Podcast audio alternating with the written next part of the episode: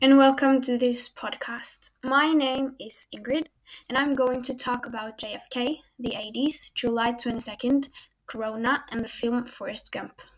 As you hear, we have a good mix of many things to discuss today.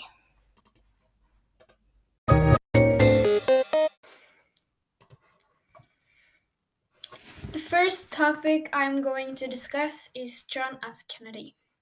You may have heard of him before because he is one of the most famous former presidents of the USA.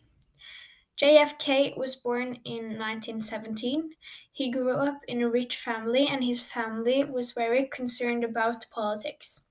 But it wasn't until 1946 he was chosen as a representative of the House of Representatives. After a while, he became president in 1961.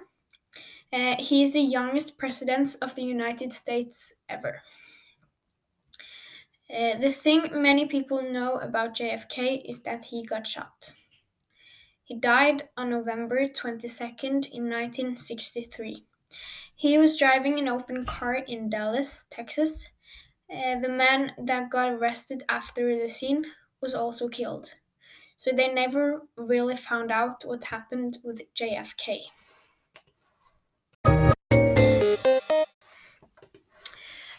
Did all of this have any impact on the people in the USA? Yes, of course it did.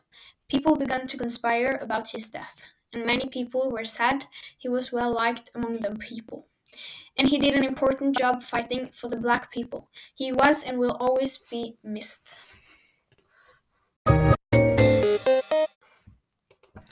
The next topic is which century I would like to live in and why.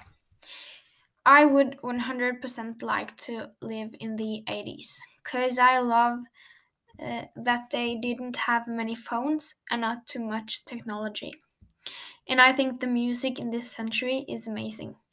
I love ACDC, Jackson, and Whitney Houston.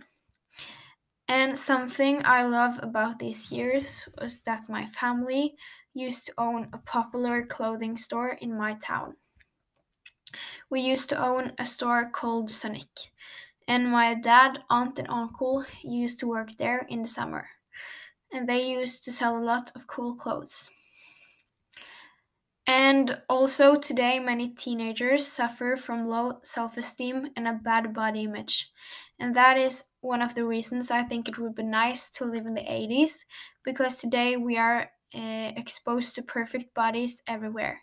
And sometimes it will be cool to not have uh, that pressure all the time. So, in one way, we could say that more people suffer from ba- bad self image today than before. So, I found many reasons why I would like to live in the 80s.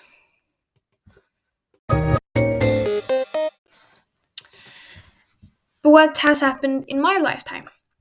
Well, many things have happened, but one of the most remarkable things I would say is Corona. For some years now, all of our lives have been turned upside down. We were locked in our houses for what felt like ages. But now, most of it is done. So that's good. And also, July 22nd has happened during my lifetime, which was a terror act in a way. I was only five years old when it happened, so I don't remember it, but it will always have a huge impact on the people here. And that eh, and the day eh, is marked every year.